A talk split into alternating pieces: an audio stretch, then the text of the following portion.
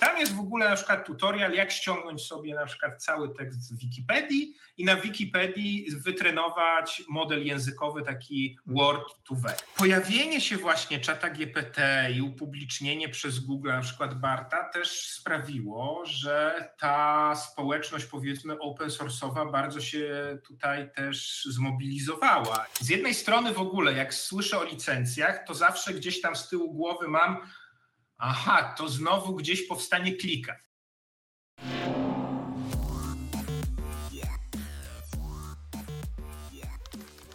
Cześć, z tej strony Przemek, a to jest druga część rozmowy na temat sztucznej inteligencji, jaką przeprowadzam z doktorem Leszkiem Bukowskim, programistą, wykładowcą akademickim i specjalistą uczenia maszynowego. Dzisiaj z naszym gościem przyjrzymy się kilku tematom, ale przede wszystkim skupimy się na perspektywie początkujących, osób, które wchodzą do tej branży i chciałyby mieć pewność, że ten wysiłek, czas i energię, które wkładają w rozwój i w zrozumienie tej dziedziny, jaką jest właśnie sztuczna inteligencja i uczenie maszynowe, przyniesie im jak najwięcej korzyści. Ale zanim przejdziemy do rozmowy, chciałbym jeszcze przypomnieć, że już dzisiaj możesz uzyskać dostęp do trzeciej części tej konwersacji, którą opublikujemy tutaj dopiero za tydzień, zapisując się do newslettera na stronie Opanuj AI.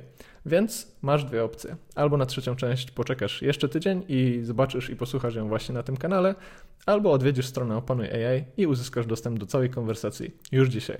A teraz zaczynamy naszą rozmowę i tak jak wspomniałem, zaczynamy od pytania odnośnie tego, w co inwestować czas i energię, żeby nie popełniać błędów związanych na przykład z nauką czegoś, co branża uznała już za niepotrzebne, zbędne albo niedziałające. Zaczynamy.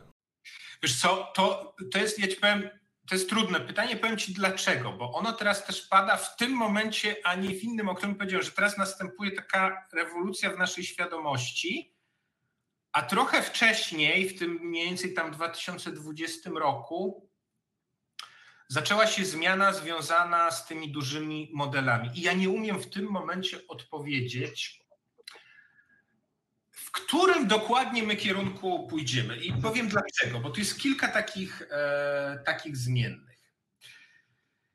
E, tak jak mówię, od 2018 roku te modele zaczęły, zaczęły pęcznić, nazwijmy to, czyli zaczęły powstawać bardzo duże modele.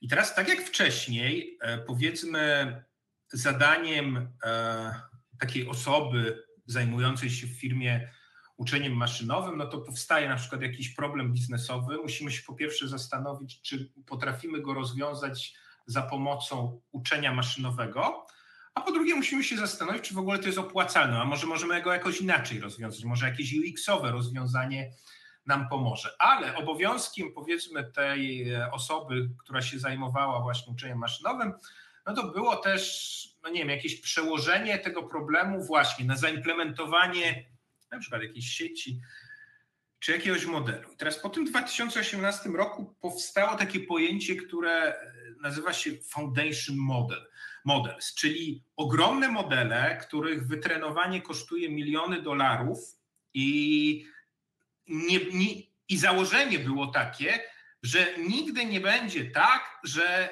każda firma może sobie pozwolić na wytrenowanie swojego modelu, bo to wymaga tyle pracy, takich nakładów obliczeniowych i takich nakładów finansowych, że świat, w którym będziemy żyli, to będzie świat, w którym istnieją firmy zajmujące się właśnie poszukiwaniem nowych architektur w sieciach i trenowaniem tych wielkich sieci, czyli to jest Google, to jest Facebook, to jest Microsoft, no i te no jeszcze powiedzmy startupy, ale już takie naprawdę no, duże startupy jak OpenAI, ale w każdym razie gdzieś tam to jest ten świat Doliny Krzemowej, no i też świat big techów, powiedzmy z tego takiego uniwersum chińskiego, no bo to uniwersum chińskie ono jest trochę takie wydzielone, tak? Chińczycy nie chcą jakby integrować swojego internetu ze światem.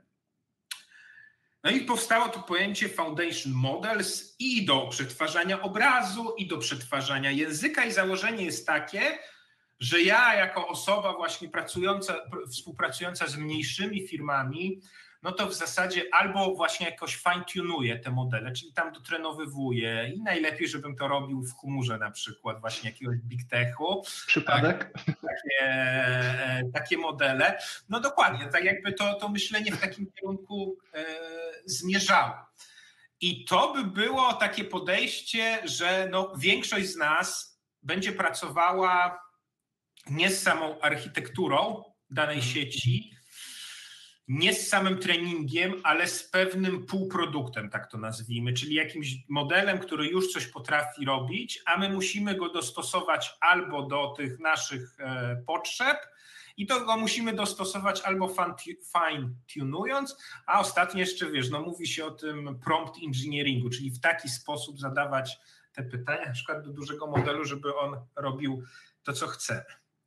No i to by była jedna z takich e, ścieżek, że trzeba sobie odpowiedzieć, czy ja chcę iść właśnie w taką stronę że chce w ogóle pracować w tych bebekach, no ale to wtedy to trzeba tak, poświęcić takiej solidnej edukacji, tam e, czas na taką solidną edukację matematyczną, tam wiesz, e, matemat- algebrę liniową przestudiować i wtedy idziemy budujemy sieci, próbujemy się dostać do jakichś tych dużych, e, dużych firm, bo możliwe też, że w Europie tutaj mm, jakby będziemy budowali takie modele, ale ja dzisiaj nie mam takiej, czy tak będzie, no bo pojawienie się właśnie czata GPT i upublicznienie przez Google, na przykład Barta, też sprawiło, że ta społeczność, powiedzmy, open source'owa bardzo się tutaj też zmobilizowała. I no tu bym wskazał Metę, czyli Facebooka, jako akurat ten taki, powiedzmy, firmę, która stymuluje też ten rozwój. Oni u, u, udostępnili taki model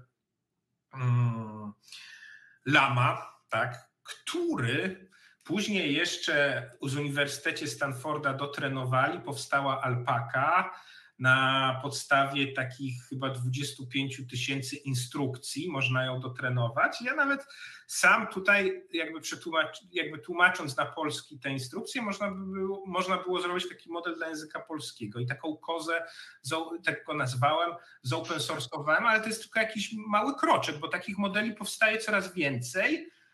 I teraz pytanie, czy na przykład nie będziemy mieli do czynienia z modelami o zbliżonych możliwościach do GPT-4, bo one jednak, no tam się mówisz, to już w zasadzie to samo, jeszcze nie, ale model, który na przykład mogę na swoim tutaj desktopie w domu uruchomić i sam dotrenować. E, I wtedy by to jednak oznaczało, że wcale nie jest tak, że będą jakieś wielkie firmy tylko posiadały te modele, a my będziemy tylko właśnie zmuszeni do korzystania z ich chmur i tam do jakiegoś fine tunowania. Więc dzisiaj wcale, wcale, bym, był, wcale bym tego nie był e, taki pewien.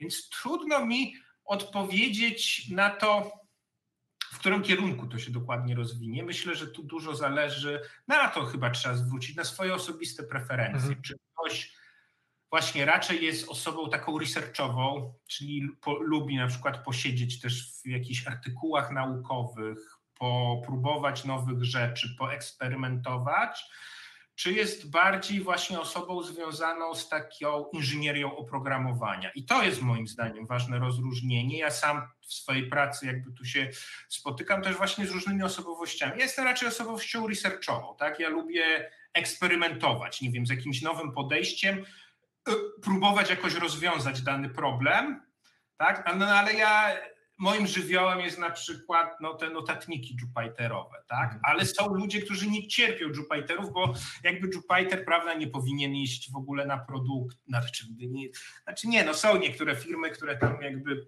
też jakby próbują ten pipeline zbudować tak, że z Jupitera można w ogóle bezpośrednio na produkcję się dostać. No ale powiedzmy sobie, no to najczęściej tak nie jest. Więc osoby, które mają bardziej takie zacięcie właśnie związane z inżynierią oprogramowania są też bardzo tu potrzebne. To jest na przykład właśnie, nie wiem, zbudowanie całego pipeline'u związanego z modelem na produkcji. No może on musi być dotrenowywany co, co na przykład co tydzień, co dwa tygodnie. Trzeba go dostarczyć w jakiś sposób, zaserwować.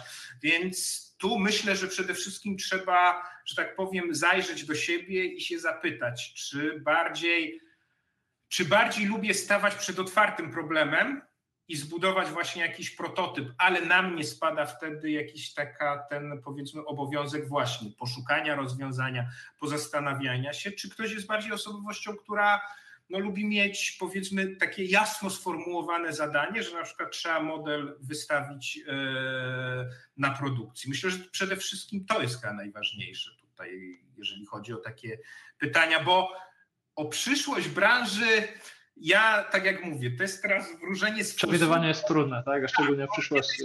Mamy ta jakby rewolucja w świadomości ludzi sprawiła, że u nas w samym tym świadku bardzo dużo ciekawych rozwiązań powstaje, więc ja teraz nie wiem do końca, w którym to kierunku pójdzie. Jeszcze, jeżeli pozwolisz, jeszcze jedna jest duża niewiadoma i ona jest bardzo istotna.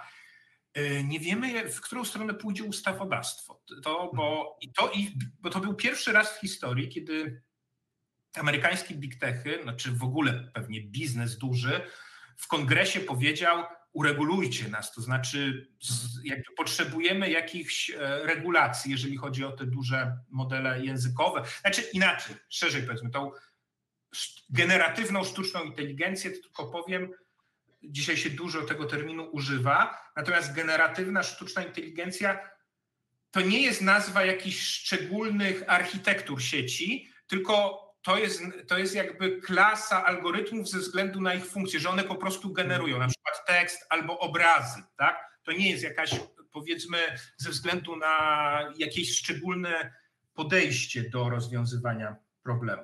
No to powstał tak jakby tam właśnie taka koncepcja, że koniecznie jednak trzeba to uregulować. I tutaj ja powiem, ja osobiście trochę też patrzę z niepokojem na to, co się dzieje w Europie, ponieważ o ile zgadzam się, że kwestia dużych modeli językowych wymaga jakichś regulacji prawnych, bo to są systemy, tak jak mówię, no możemy sobie o nich pomyśleć o takich uniwersalnych algorytmach, czyli mamy po raz pierwszy w dziejach ludzkości algorytm, który może N różnych zadań wykonywać. To nie jest algorytm, który może jakieś jedne zadanie wykonywać. To, że może być chatbotem, to jest tylko jedno z zastosowań. On może być zastosowany do dziesiątek czy setek innych zadań i to się pewnie będzie działo. I to jest właśnie to miejsce na taką ludzką kreatywność. Ale przez to, że on jest taki uniwersalny, on się też cechuje dość dużą autonomicznością, więc tu zagrożenia na pewno się pojawiają i jakiegoś od, odbicia w prawodawstwie wymagają. To, co mnie w Europie niepokoi, to to, że jeżeli pójdziemy taką ścieżką, że będziemy regulować e, tylko te modele, ale jednocześnie deweloperom nie dajemy nic w zamian, to fakt jest taki, że ja na przykład w pewnym momencie mogę zostać odcięty od API, czyli dostępu do najnowszych technologii z Doliny Krzemowej i nie mam nic w zamian, tak? Bo w takim razie co mam zrobić? No nie mogę korzystać z GPT, bo na przykład nie przeszedł e, tego audytu, który będzie wymagany, albo z jakiegoś innego modelu. A może też będzie tak, że cena dostępu do takich modeli strasznie wzrośnie, bo te firmy będą musiały przechodzić ten audyt, co będzie uwzględnione w kosztach, i wtedy tylko, nie wiem, osoby pracujące w korporacjach, na które będzie stać na dostęp do takiego API, będą miały dostęp do, e, do takich modeli. Ja nie mówię, że tak będzie, ja wskazuję, że to jest jakaś niewiadoma, i ja patrzę jednak z pewnym niepokojem na to, co się dzieje w Europie nie dlatego, że uważam, że nie powinno się regulować tej kwestii, powinno się regulować, ale powinna, powinniśmy też dostać coś w zamian. To znaczy, na przykład, no nie, no, nie mamy amerykańskich modeli, no to niech będą europejskie, tylko że na razie ich nie ma. Jak w ogóle odniesiesz się do pomysłu sama Altmana, który przed amerykańskim kongresem proponuje licencjonowanie firm, które pracują nad sztuczną inteligencją? Z jednej strony w ogóle, jak słyszę o licencjach, to zawsze gdzieś tam z tyłu głowy mam, aha, to znowu gdzieś powstanie klika. No bo jak mamy licencję, no to powiedzmy sobie za, zawsze powstaje system, który, no nie chcę powiedzieć, że jest kliką, ale bardzo łatwo może zacząć wykazywać cechy kliki. Tak? Czyli Ktoś dostanie te licencje łatwiej niż inne po prostu i tak, zaczynamy dokładnie. dyskusję. Tak? Ale powiem Ci szczerze, że tak jak wspominałem tą firmę Anthropic AI, ja może opowiem, bo to jest bardzo też ciekawe. Tutaj ja o tym pisałem e, w internecie. Oni w ogóle wyszli z OpenAI, czyli osoby, które też pracowały przy treningu GPT i teraz jest takie bardzo ciekawe zagadnienie, no bo jak my ten, model trenujemy na całym tym języku z internetu, no to on może mówić przeróżne rzeczy, bardzo brzydkie, bardzo szkodliwe. No i, antro, i jest kwestia, ja to nazywam wychowywania tych modeli. To jest takie, niektórzy może powiedzą, że to jest taka zbytnia antropomorfizacja, ale ja bym powiedział, odpowiedział na to w ten sposób. To jest ich wychowanie, ale zupełnie inne wychowanie niż do, bo dotąd odnosiliśmy tylko do dzieci. A moim zdaniem musimy się zacząć przestawiać nasze myślenie, to bym powiedział na przyszłość, że istnieją inne inteligencje, nie tylko ludzkie, zwierzęce, ale istnieją też inteligencje takie, no na razie nazwijmy je krzemowymi, powiedzmy. Zobaczymy, jak będzie w przyszłości. E, I teraz kwestia wychowania, no to jest kwestia, która dotyka kwestii na przykład wartości. Teraz na przykład OpenAI robi to za, za, pomocą tego, że zatrudnia ludzi, którzy rozmawiają z tym modelem i oceniają, czy ta odpowiedź była e, pomocna, czy nie, oraz odpowiadają, czy ta odpowiedź właśnie jakoś, nie wiem, nie, nie naruszała, nie wiem, e, ich, e, ich dóbr i tak dalej. No, powstaje potem na podstawie tych, e, tych odpowiedzi ludzi kolejny model i ten model wychowuje ten duży model, żeby w przyszłości on z jednej strony był pożyteczny, więc odpowiadał nam, ale w pewnych sytuacjach stwierdzał, no tak jak GPT teraz robi, no nie odpowiem ci na to, bo jestem wielkim modelem językowym. teraz Anthropic AI opracował bardzo ciekawą, innowacyjną metodę wychowywania takich, e, e, takich modeli. Jakby nie chcę tu wchodzić w szczegóły e, wszystkich, nie wiem, odsyłam na przykład na Twittera, gdzie o tym e, pisałem, ale tam na końcu tego wątku pisałem o tym, że tu wchodzą w grę zagadnienia naprawdę już czysto etyczne. To znaczy, kiedy uznajemy, że odpowiedź takiego modelu przekracza jakąś granicę. Albo no chociażby to przy wczorajszym spotkaniu z Altmanem i w ogóle z OpenAI to też padło. Na przykład tutaj w Polsce padło pytanie, jak to zrobić, żeby kultura polska i w ogóle no, jakaś nasza spuścizna była dobrze uwzględniona w takim modelu językowym.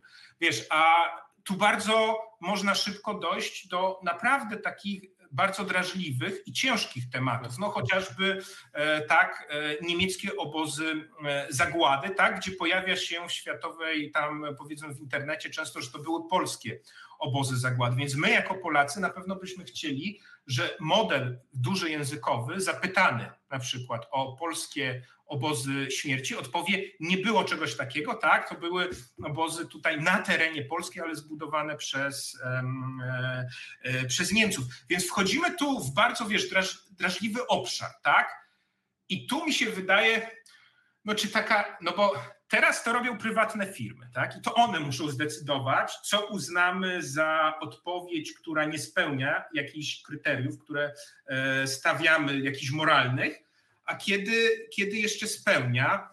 Więc tutaj takie licencjonowanie, jeżeli by miało doprowadzić do tego, że, ma, że każdy taki model musi jednak spełniać pewne standardy, to wtedy wydaje mi się, że to ma, ma sens. Ale z drugiej strony, no tak jak mówię, Pytanie o to, czy, czy to nie będzie generowało właśnie powstawania jakichś takich klik i nie wiem, zdobycia tej licencji stanie się, nie wiem, czymś, co będzie generowało na przykład właśnie jakieś takie zjawiska, korupcję. No, mhm. Trudno odpowiedzieć. Myślę, że teraz bym odpowiedział raczej, że tak, jak trenujesz duże modele, to powinieneś mieć jakąś jednak licencję tutaj na to, bo musisz odpowiedzieć na tyle kwestii drażliwych, że to powinno jakoś zostać uregulowane.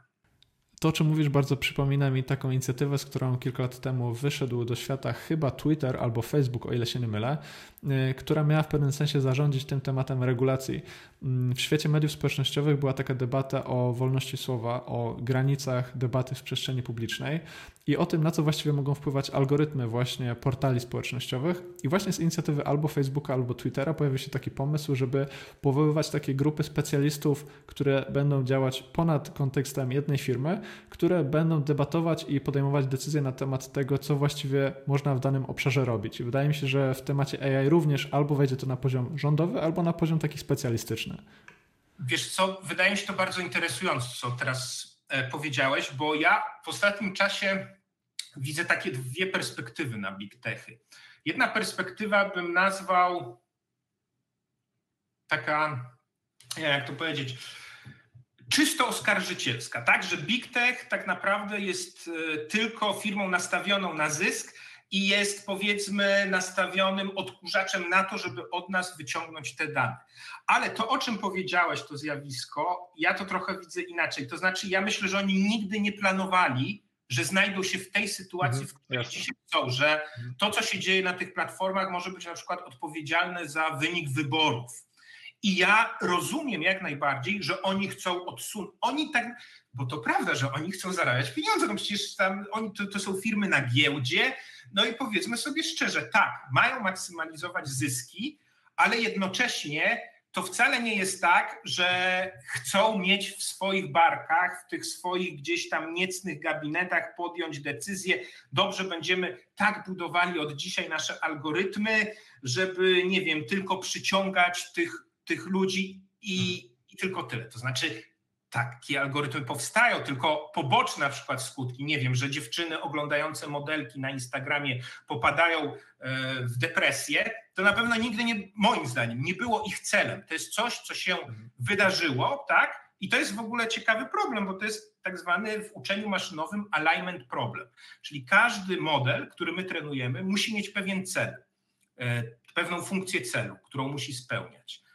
I to jest, to jest właśnie ten problem, że bardzo często, nie przesadzam, że bardzo często, ale okazuje się czasami, że dany model, maksymalizując tą, jakby spełniając tą funkcję celu, zaczyna robić rzeczy, których się nie spodziewaliśmy. I przypuszczam, że właśnie wiele tych problemów z, mm, z mediami społecznościowymi i z tymi algorytmami rekomendacji stąd się wzięło. I bardzo możliwe, że big techy, czując to, co się teraz dzieje w kwestii sztucznej inteligencji, nie chcą brać na siebie tej odpowiedzialności. Ja nie mówię, że one to robią z dobrego serca. Być może to jest wyrachowanie i jakby zrzucenie odpowiedzialności, ale tak myślę, że jakby moja koncepcja jest taka, że robią to dlatego, że nie chcą być pociągane do odpowiedzialności. Mówią, złóżmy tą odpowiedzialność na jakieś właśnie takie komitety, bo wydaje mi się, że kwestia na przykład danych i mediów społecznościowych nigdy nie została rozwiązana i chyba nie chcą powtórzyć tego błędu w przypadku tych dużych modeli e, językowych. Trochę się uśmiecham, jak słucham tego, co mówisz, bo jak słyszę o tym, jak big techy reagują na zmiany środowiskowe i muszą się w pewnym sensie przystosowywać do otoczenia, to do głowy od razu przychodzą mi jakieś mechanizmy ewolucyjne i widać, że te firmy pod wpływem otoczenia, pod wpływem tych czynników zewnętrznych muszą stosować różne techniki, które po prostu będą faworyzować przetrwanie, niezależnie od tego, kto i jak to wszystko zaprojektował, albo wręcz pomimo tego, że tam nie było żadnego większego projektu, na przykład właśnie w kontekście regulacji, ale te firmy musiały te techniki przedsięwziąć, żeby po prostu pozostać na rynku. Wiesz co, jeżeli jest tu taka przestrzeń, to powiem, bardzo dobrze odczytujesz gdzieś tam to moje spojrzenie, bo to jest już taka kwestia filozoficzna. Ja, ja tu się często powołuję na Stanisława Lema. Wielu ludzi razi to, co jakby Stanisław Lem mówi i to, co ja za nim powtarzam, że technologia jest zmienną niezależną. Ja wiesz, ja nie mam takiej wizji, nie wiem, świata, ludzkości. No to już jest kwestia takich poglądów filozoficznych, że tutaj ludzie w jakiś rozumny, w rozumny sposób planują to gdzieś, to, to miejsce, w którym się dzisiaj znajdujemy. Wiem, na przykład ostatnio byłem na debacie, jak to powiedziałem, to wzbudziło ogromny sprzeciw, na przykład taki, że to przecież OpenAI zdecydowało, żeby ten model udostępnić. To oczywiście, że ono zdecydowało, ale nikt nie wybrał tego momentu, że od 2020 roku nagle w tych big techach będą się pojawiały obiekty zwane wielkimi modelami językowymi i one będą wykazywały takie, a nie inne zdolności. Nie, my bardziej to jest, to znaczy, tak jak powiedziałeś, że przychodzą ze środowiska jakieś zmiany, i organizmy jakoś reagują. I ja myślę, że cywilizacyjnie też tutaj tak jest. To znaczy, technologia, rozwój technologii jest zależny od rozwoju nauki. I nikt, nie wiem, w latach 50. nie miał w głowie, jak się będzie rozwijała sztuczna inteligencja. Wtedy na przykład część ludzi myślało, że za 10 lat już będziemy mieli systemy, które będą w porubę miały porównywalną inteligencję do ludzi. To się okazało z kompletnym błędem. Powiedzmy, Nikt nie wie dlaczego, ale musiały się pojawić, nie wiem, silne GPU, moc obliczeniowa, musieli być ludzie, którzy nie zarzucili tych sieci e, neuronowych. To jest splot w ogóle setek takich, nie wiem, jakichś wątków, e, który sprawił, że teraz, a nie kiedy indziej znajdujemy się w tym, a nie innym miejscu. Tak, i my musimy jakoś reagować. I myślę, że te ja też tak postrzegam teraz Big Tech. Ja bardziej, wiem, że wiele osób się z tym nie zgodzi, ale ja bardziej postrzegam to w ten sposób, że one reagują teraz na to, co się wydarzyło. Oczywiście możemy mhm. snuć teraz rozważania, czy to dobrze, że OpenAI teraz już udostępniło ten model publicznie. Nie wiem. Ja myślę, że ja osobiście pewnie bym się jeszcze powstrzymywał. Bardziej bym Historia zadecyduje, tak? Mhm, tak, jak Google. Natomiast to, że w ogóle sto, oni stanęli przed tym wyborem, no to już, to już nie jest od nikogo zależne. To, to się po prostu dzieje, a my musimy jakoś, jakoś e, reagować. Więc ja, ja, ja mam dokładnie taką wizję też, nie wiem, rozwoju Polecam wszystkim taki film Kieślowskiego Przypadek. To są chyba cztery historie takiego młodego chłopaka studiującego medycynę. Różne scenariusze, że zdążył dobiec do jakiegoś pociągu, a potem nie zdążył i różne historie jego życia. To ja mam bardziej taką wizję rzeczywistości. Wiem, że ona wielu się może nie podobać, ale gdzieś tak, tak, tak to moje serce filozoficzne mi podpowiada. Myślę sobie, że jakby żyjemy w takich czasach, że naprawdę potrzeba nam trochę pokory i otwartej głowy i nie ma co za szybko jakby krytykować albo umniejszać takim pomysłom, bo widać, że łapiemy się każdego dowolnego pomysłu, który tak naprawdę pojawia się, żeby jakoś poradzić sobie z tymi problemami. Prawo, jak to prawo zostaje z tyłu za technologią i tak naprawdę nie ma jeszcze takiego momentu, żebyśmy jednoznacznie powiedzieli, który z tych pomysłów, o których rozmawiamy, był dobry albo zły. Chyba to jest jeszcze za wcześnie. Myślę, że, znaczy ja myślę bardzo podobnie do ciebie, i to, co mnie czasami trochę razi, to jest, wiesz co, że są takie głosy ludzi, którzy są zupełnie pewni. Na przykład z jednej strony, a AI doprowadzi do zagłady ludzkości. No bo takie głosy też. Albo głosy ludzi, którzy mówią, o, my mamy świetne rozwiązania prawne. My doskonale wiemy, jak rozwiązać, nie wiem, jakieś kwestie prawne związane z, nie wiem, z modelami z AI. No przecież się trzeba zapytać, skąd oni czerpią tą pewność, że mają takie świetne rozwiązania, jeżeli po pierwsze jest to dziedzina, która naprawdę ostatnio z roku na rok się zmienia, a może i z miesiąca na miesiąc, że sami nie rozumiemy do końca tych, e, tych systemów, więc ja bym powiedział, trzeba coś zrobić, ale naprawdę namawiałbym wszystkich do takiej pokory, bo nie wiem, jak też pamiętam w 2017 u nas w Polsce też trochę później wyszła znana książka Kai Fu Lee, prawda, tam analizująca zmagania w dziedzinie sztucznej inteligencji USA e, i Chiny. I on na przykład stawiał tam taką tezę, chyba już w drugim rozdziale tej książki, że my teraz doszliśmy do takiej epoki, że już epoka odkryć w AI się skończyła, teraz mamy epokę zastosowań. Tak? No i on jakby niedawno oglądałem z nim wywiad, no musiał to odwołać po prostu, no bo skąd on mógł, jakby to była jednak z jego strony moim zdaniem jednak taka no zbyt odważna teza, że ja wiem, że teraz to już nie będzie odkryć. No bo się nagle okazało, że się pojawiły te wielkie modele językowe, że trzeba je w taki, a nie inny sposób trenować. Więc tutaj coś trzeba zrobić, trzeba jakieś ramy narzucić, ale namawiałbym też tu do takiego dość szerokiego spojrzenia, dyskusji, właśnie widzenia wielu stron, bo tak jak mówię, no, zakazać, nie wiem, w Europie dostępu do modeli, które nie przejdą tego audytu, no okej, okay. no ale co wtedy właśnie, co mamy w zamian? No, też trzeba jakby wziąć pod uwagę nie tylko bezpieczeństwo, ale również innowacyjność. No, ja, ja przynajmniej jestem osobą, która nie ma jakichś takich złotych recept na takie problemy. To znaczy, ja myślę, że to w żadnym wypadku nie jest też cel tej rozmowy. Ja nie chciałbym, żebyśmy tutaj na siłę próbowali definiować jakieś reguły albo recepty, czy też złote zasady, które pokażą słuchaczom, czy też widzą, że warto iść w tą albo w inną stronę. My tutaj na przeprogramowanych zawsze mówimy o szerszym spojrzeniu na programowanie i widać po tej rozmowie, że też szersze spojrzenie na AI i na technologię samą w sobie jest po prostu potrzebne, bo to wszystko zmienia się na naszych oczach i nawet kiedy ja dzisiaj rozmawiam ze specjalistą z danego obszaru, to ten specjalista, że tak o tobie powiem w trzeciej osobie, niejako na żywo próbuje sam ze sobą debatować i yy, zastanawiać się, jak podejść do danego tematu, więc, więc zdecydowanie otwarta głowa jest tutaj potrzebna.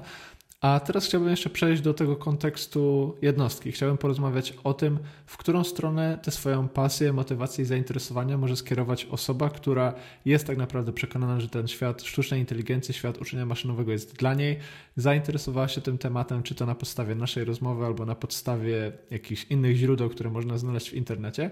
I teraz chciałaby tę swoją wiedzę teoretyczną przekuć na praktykę, więc jakie są jakieś takie kierunki, powiedzmy, pracy, czy praktyki, czy realizowania jakichś projektów, na które warto zwrócić uwagę, żeby się realizować w praktyce?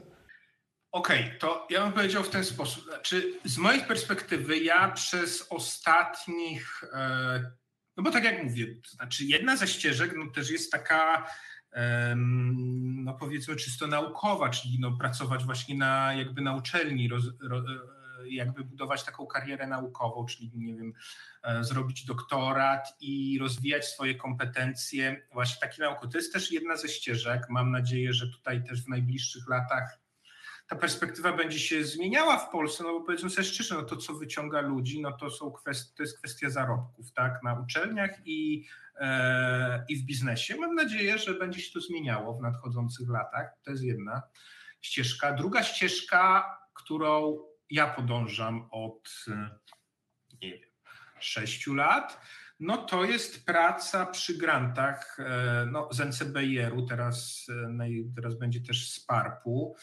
No powiedzmy taka pośrednia, czyli z jednej strony jest zagadnienie badawcze, ale to zagadnienie badawcze jest realizowane w ramach jakiejś instytucji biznesowej, jakiejś firmy.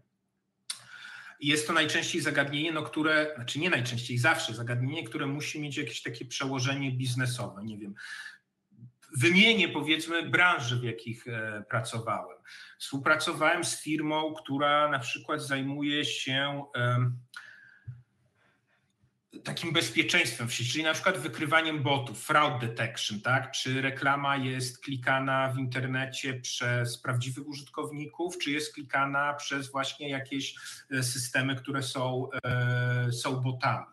Pracowałem w firmie, która z kolei budowała boty dla branży rekrutacyjnej, tak? które, boty, które mają pomagać rekrutować. I to wszystko w ramach NCBR-u. Teraz pracuję w firmie e, krakowskiej Edron, która e, specjalizuje się w zagadnieniach z zakresu e, e-commerce'u, tak, i tam od dwóch lat pracuję przy projekcie AWA, tak, który AWA ma być tak, takim asystentem, jakby zupełnie nowym doświadczeniem zakupowym. To jest również tak projekt realizowany w ramach NCBR. I teraz o tej ścieżce, którą realizuję od kilku lat, gdybym miał powiedzieć takie plusy i minusy. Plusem jest to, no, że właśnie, że te projekty mogą być bardzo ciekawe, e, że możemy tutaj powiedzmy troszkę no też wodze fantazji puścić, że chcemy na przykład jakiś system zbudować, I nie wiem, no w Dolinie Krzemowej powiedzmy na to stać tylko te największe tuzy, bo oni mogą przepalić na przykład pieniądze na ileś tam projektów, które się nie udadzą, tak, ale jeden się uda. Tak, a tutaj tak mniejsza firma może prowadzić pracę takie badawczo-rozwojowe. I to jest, to jest ogromny plus. Bardzo tutaj, nie wiem, przy ciekawych projektach pracowałem. Minusem jest to, żebym powiedział, taka trochę europejska charakterystyka, przez tą europejską charakterystykę no po prostu rozumiem biurokracji. To znaczy są tutaj mhm. jakieś narzuty biurokratyczne, to znaczy taki wniosek trzeba pisać z jakimś takim wyprzedzeniem dwu, trzyletnim, czyli my planujemy, tak, co się będzie działo w projekcie, i nie ukrywam, no czasami tutaj dochodzi do konfliktu pewnej rzeczywistości biznesowej, tak? No bo jak się rozmawia, wiesz, dzisiaj na przykład o biznesie w tym świecie IT, to każdy będzie mówił o agile'u, tak? A agile jest bardzo dynamicznym sposobem rozwijania produktu, tak? Że budujemy prototyp, tak? Zbieramy feedback z rynku, e, w, uwzględniamy to w naszym produkcie i znowu wy, wy, wypuszczamy to i wszyscy jesteśmy w takiej pętli feedbackowej. Teraz trzeba pamiętać, że w przypadku właśnie tych projektów NCBR-owych czy w ogóle takich projektów właśnie, gdzie mamy dofinansowanie,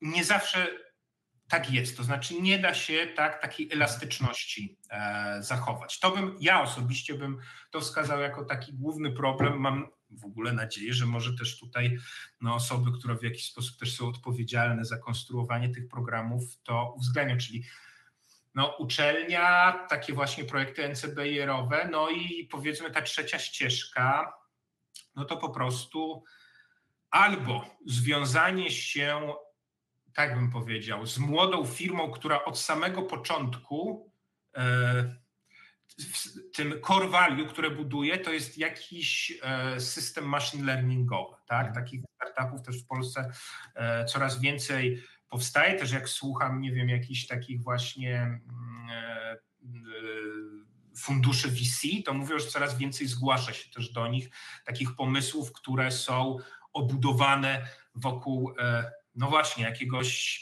ML-owego, machine learningowego algorytmu. No, z takich polskich firm, ja kiedyś wiele lat temu współpracowałem na przykład z Infermedico. To jest firma z, z, z Wrocławia. Myślę, że no jedna z takich chyba startupów, który w Polsce odniósł taki e, sukces. I to, to jest jeszcze taka możliwość. No a ostatnia, no to poszukanie tutaj możliwości w tych dużych firmach. One często jakby nie patrzą na te NCBR-owe projekty, no bo powiedzmy mogą sobie pozwolić na to, że wykładają własne pieniądze mm, tutaj na takie e, projekty związane z uczeniem, e, uczeniem maszynowym. E, tutaj to głównie też bym znowu powiedział, trochę od takich, bym powiedział, osobistych preferencji mhm. to uzależnił no w startupie zawsze praca się wiąże z pewną taką niepewnością, takim e, dzisiaj tam rozmawialiśmy na takiej krawędzi trochę chaosu. Ja osobiście to lubię. Teraz wiem, że też dla wielu osób to może nie być, e, nie być dobra droga, więc one wolą pracować w jakichś takich bardziej ustrukturyzowanych e, systemach i stabilnych, tak to, tak to nazwijmy. A kolejna droga, no to no, jeżeli ktoś ma powiedzmy taką ambicję, że chce być już tam w ogóle na tym szpicu, ja powiem szczerze, no to w tym momencie to prawdopodobnie trzeba szukać tam, za, za oceanem, gdzieś w Dolinie Krzemowej, e, Krzemowej firm. Wo, wolałbym powiedzieć, że Europa jest tutaj też super miejscem, ale nie będę oszukiwał, no tak nie jest. To znaczy my raczej w tym momencie jesteśmy odbiorcami technologii ze Stanów Zjednoczonych, Mam gorącą nadzieję, że to się zmieni w nadchodzących e, latach, ale jeszcze tak, e, tak nie jest. Znaczy, chciałbym na przykład, żeby, nie wiem, Polska miała swój własny big tech i żeby ten big tech, nie wiem, miał właśnie jakieś takie laboratorium, w którym rozwijamy tą technologię, a jednocześnie, no właśnie, jakoś wypracować taką, taką metodę, żeby tutaj w Europie te laboratoria jakoś były bardziej niezależne od e, jednak od jakichś tych wpływów kapitałowych, chociaż ja uważam, że tak jest, i tak jest nieźle, ja bym powiedział, że bo tak jak mówię, ostatnie 10 lat to motorem rozwoju sztucznej inteligencji były zdecydowanie laboratoria tych firm mhm. Google, Facebook e, i tak dalej, Microsoft i można mieć wiele do nich zastrzeżeń, ale to nie jest tak, że nie wiem, że open source zupełnie zarzucili. Wiele modeli nie jest udostępnianych i teraz być może niestety obserwujemy takie zjawisko, że w coraz mniejszą ilość, ale i tak jest, tak jest nieźle. A jak ty byś rekrutował osobę do swojego zespołu, to na co zwracałbyś uwagę w CV takiej osoby? Wiesz co, ja bym przede wszystkim, wiesz, bo są, ja bym powiedział, są takie dwie szkoły, ja obserwuję rekrutowania. Jedna taka szkoła, powiedzmy, bardzo wąskiego patrzenia, że rozwiązujemy w naszej firmie na przykład od jakiegoś czasu problemy X, Y, Z i my chcemy osobę, no właśnie, która będzie rozwiązywała te problemy X, Y, e, Y, Z. No jakiś czas temu miałem na przykład taką rozmowę, e, nie wiem, e, rekrutacyjną, no i ktoś mi zadał bardzo takie specyficzne pytania o te problemy, które no, oni tam rozwiązują, no, a których no, ja nie mam pojęcia, bo się zajmowałem czymś innym. I ja powiem, szczerze, nie jest obca taka szkoła rekrutacji. Ja jednak wolę po pierwsze raczej na przykład dać komuś jakiś problem do rozwiązania, tak? Ja bardzo lubię takie zadania. Znaczy tam można się zastanawiać, no bo jest pytanie, no ja wtedy tracę czas, a może się nie dogadamy z tą firmą, ale zostawmy to na boku. Natomiast lubię takie podejście, że jest jakiś problem, Najlepiej, żeby to był problem, który nie ma jednego rozwiązania, mhm. tylko kilka rozwiązań. To jest dla mnie jakieś takie najważniejsze. Nawet jeżeli ktoś dotąd, nie wiem, w swojej karierze nie rozwiązywał żadnego problemu, ale widzę właśnie, tak jak powiedziałeś, że jest otwartym umysłem, że chce się uczyć, to są dla mnie tak naprawdę ważne rzeczy, a nie to, czy ktoś dokładnie jakiś tam problem już w swojej tej karierze rozwiązywał. W ogóle mam wrażenie, że wiesz, że machine learning, to uczenie maszynowe, to chyba tu są, to jest przede wszystkim tutaj takie, mhm. takie ważne, żeby umieć właśnie no, pomyśl, przez chwilę się skupić na jakimś problemie, pomyśleć, jak go, e, jak go rozwiązać. To są dla mnie jakieś takie ważne, ważne cechy.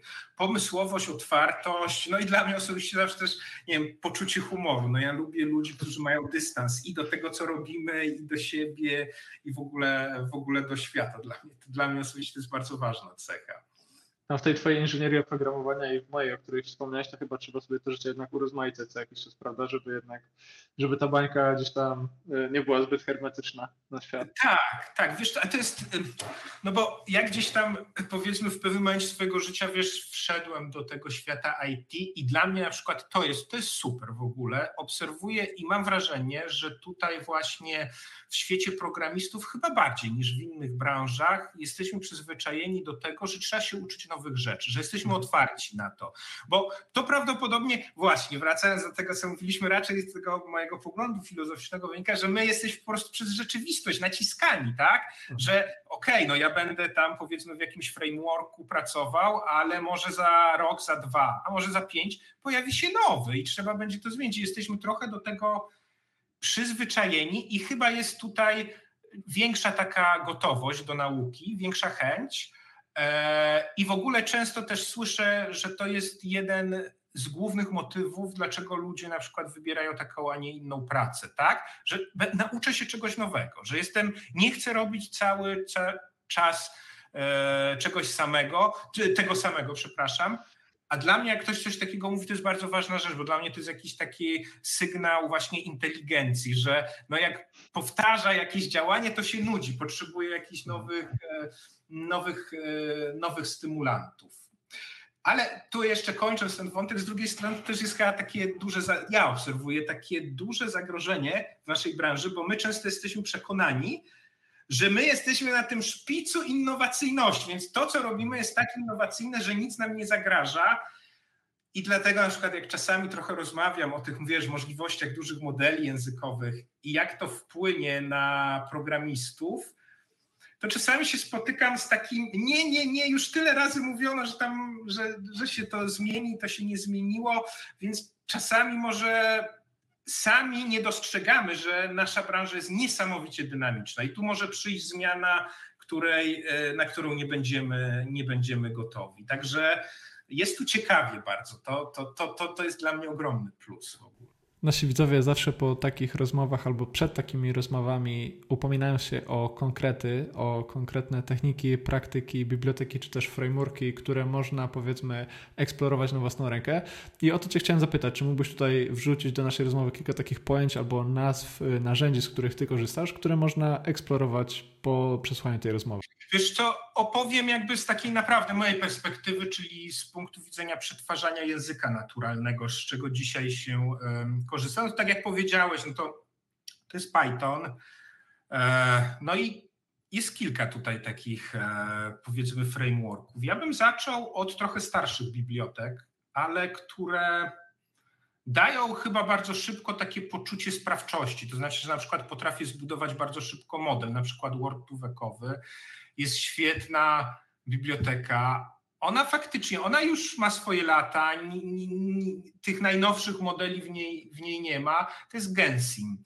E, natomiast można tam w bardzo szybki sposób, nie wchodząc gdzieś tam w szczegóły, no, zbudować jakieś rozwiązanie, jakiś klasyfikator czy jakiś model e, e, językowy. To bym na pewno e, polecał na początek. Jest też taka biblioteka Spacey, do, do Pythona, ona też jest bardzo wysokopoziomowa. Tam jest tak, że generalnie wczytujemy pewien model, który już jest wytrenowany dla języka polskiego, angielskiego, tam wiele języków jest obsługiwanych.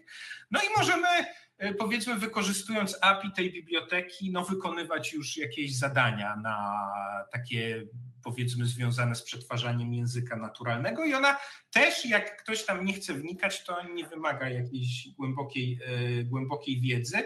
No i są to takie biblioteki, które faktycznie, no powiedzmy naprawdę, osoba, która nawet nie chce całkowicie przejść na, nie pójść w stronę uczenia maszynowego czy przetwarzania języka naturalnego, może tam pewne zadania sama e, wykonywać. Jest bardzo teraz popularna, taki, hmm, to jest taki w ogóle hub modeli, nazywa się Hugging Face, to jest przytulaśna buźka.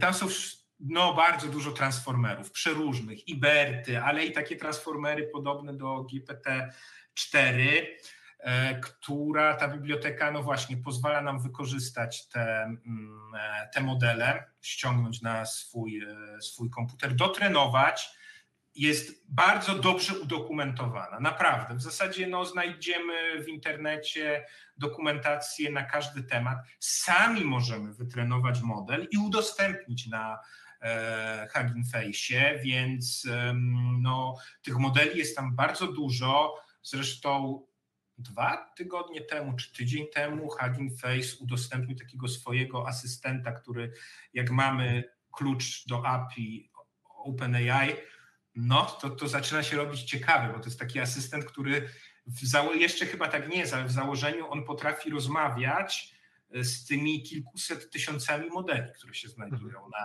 a to są modele do przetwarzania obrazu, do generowania obrazu, do przetwarzania tekstu, do generowania tekstu, więc możliwości są niesamowite i możemy z tym agentem rozmawiać w języku naturalnym z poziomu Pythona, tak? Czyli powiedzmy w Pythonie wpisujemy jakąś komendę, tak? I string tekstowy, co on ma zrobić. I on to naprawdę, jakby przynajmniej na tym demo, które sobie uruchamiałem, robił. No, a jak ktoś ma naprawdę potrzebę tutaj, ale ja osobiście do tego zachęcam, to bardzo dobrze też tutaj robi, jeżeli chodzi o właśnie uczenie maszynowe, no to wejść głębiej w takie biblioteki jak PyTorch i TensorFlow. No to są biblioteki, w których powiedzmy od implementacji, możemy iść od implementacji pojedynczego neuronu, no, po implementację o wiele większych już takich no, całych warstw i sieci. Też to nie jest tak, że musimy zaczynać od tego najmniejszego elementu. No ostatnio na przykład, nie wiem, bardzo znana postać, jeżeli chodzi o uczenie maszynowe, Andrzej Karpati, on przez wiele lat był e, tam głównym, e, powiedzmy head of data, head of machine learning w Tesli, teraz wcześniej pracował w OpenAI, potem w Tesli, teraz znowu wrócił do, e, do, do OpenAI. No i on jakby opublikował w internecie chyba serię takich czterech tutoriali, w których powiedzmy od tak, uczymy się wykorzystując PyTorcha od takich najmniejszych elementów, tak? czyli takich jak tam w zasadzie pojedynczy neuron w PyTorchu funkcjonuje, aż do y, architektury GPT-2, czyli w zasadzie tej samej architektury, która dzisiaj stoi za, y, za GPT, no i wszystko implementujemy PyTorchu, to uważam, że zrobił super rzecz, bo no on jest tym, który naprawdę współpracuje w tych największych e, firmach. Więc no, też bym polecał tutaj, żeby jednak przełamać tutaj tą potrzebę szybkiej implementacji na rzecz takiego jednak trochę wmyślenia się, na przykład jak to się dzieje, że no nie wiem, z jednej strony mówimy o sieciach neuronowych, a później mówimy o wektorach i macierzach, no bo de facto mhm. te biblioteki takie jak TensorFlow i, um, i PyTorch to jest przetwarzanie macierzy w ogóle, można powiedzieć, tensorów, żeby jeszcze uogólniając to, to pojęcie, no to warto wtedy przejść sobie taką ścieżkę, żeby mieć pojęcie, jak to się dzieje w ogóle. Jak cię słucham, to dochodzę do takiego wniosku, że ty nie jesteś chyba jakimś e, dużym radykałem, który będzie tutaj pilnował jednego słusznego kierunku właśnie poznawania tego świata AI, świata sztucznej inteligencji. E, I nie będziesz mówił, że to te najbardziej atomowe, powiedzmy, pojęcia są tym, od czego należy zacząć. I ty raczej jesteś takim promotorem podejścia, powiedzmy, które po prostu pozwoli nam zostać w tej branży. Nie wiem, czy się zgodzisz. Tutaj przychodzi mi do głowy ten kurs od Fast AI, gdzie oni używają takiej analogii do meczu koszykówki i tego, że jak chce się nauczyć grać w kosza, to niekoniecznie poznaje budowę piłki, tylko idę na mecz, obserwuję jak dwie drużyny ze sobą grają i jakby to interesuje mnie na tyle, że mogę wejść do tego świata. Czy właśnie z AI tak jest? Czy ty jesteś promotorem takiego podejścia? tak jak powiedziałem, to absolutnie jakby nie mam nic przeciwko, bo to trochę zależy, czym chce się, w czym człowiek chce się specjalizować, mm. czym chce się zająć i rozwój powiedzmy tej dziedziny, tak jak mówiłem, no teraz przeżywamy tą taką rewolucję świadomości społecznej, ale to jest dziedzina, która naprawdę ma za sobą tych już kilkanaście lat, znaczy więcej, no ma kilkadziesiąt, ale powiedzmy e, to, co się dzisiaj dzieje, to jest ostatnie kilkanaście lat i te biblioteki, tak jak mówię, powstały, rozwinęły się i one są naprawdę wysokopoziomowe. To, co mogę powiedzieć, no to na przykład, jeżeli ktoś sięgnie sobie do Gensima e, i tam, nie wiem, zbuduje jakiś. Tam jest w ogóle na przykład tutorial, jak ściągnąć sobie na przykład cały tekst z Wikipedii i na Wikipedii wytrenować model językowy, taki Word to Vec. To, to jakby w Gensimie nie ma z tym problemu. To, to naprawdę jest tam kilkanaście, kilkadziesiąt linii, e, linii kodu.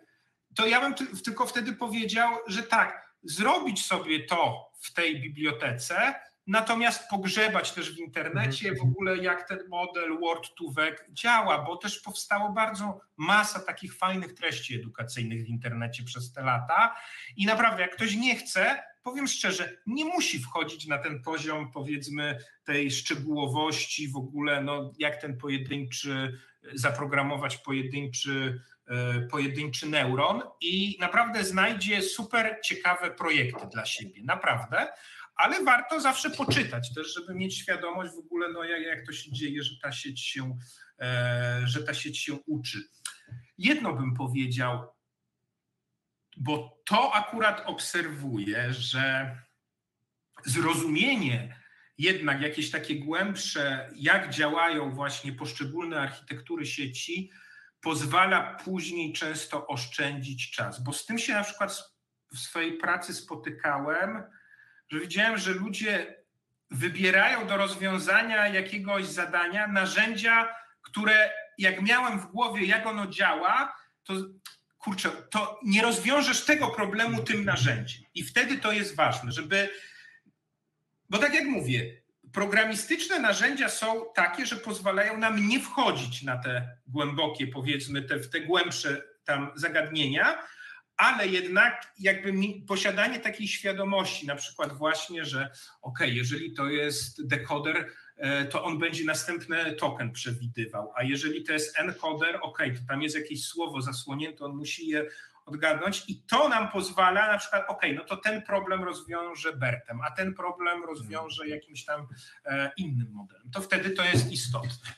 No, ale to też chyba, jak rozumiem, wchodzi w krew po prostu takim czasem, czasem który spędziłem przy tym komputerze, przy maszynie i, i, i po prostu z praktyką, tak jakby inaczej chyba nie, tak, nie zdobędziemy takiego. Eksperymentowanie z kodem, bawienie się kodem. Ja dlatego też lubię te Jupyterowe notatniki, bo tam prawda masz blok kodu mhm. i od razu on jakby interaktywnie widzisz, e, widzisz wynik. I to jest to, dla mnie to jest super, że ja mogę się pobawić, stawiając hipotezę, a co będzie, jeśli to zamienię w ten sposób, tak? No w głowie możemy sobie robić takie eksperymenty, no ale często ten algorytm staje się szybko zbyt skomplikowany, żeby nadążać, więc trzeba to empirycznie sprawdzić. To bardzo to jest istotne i ważne.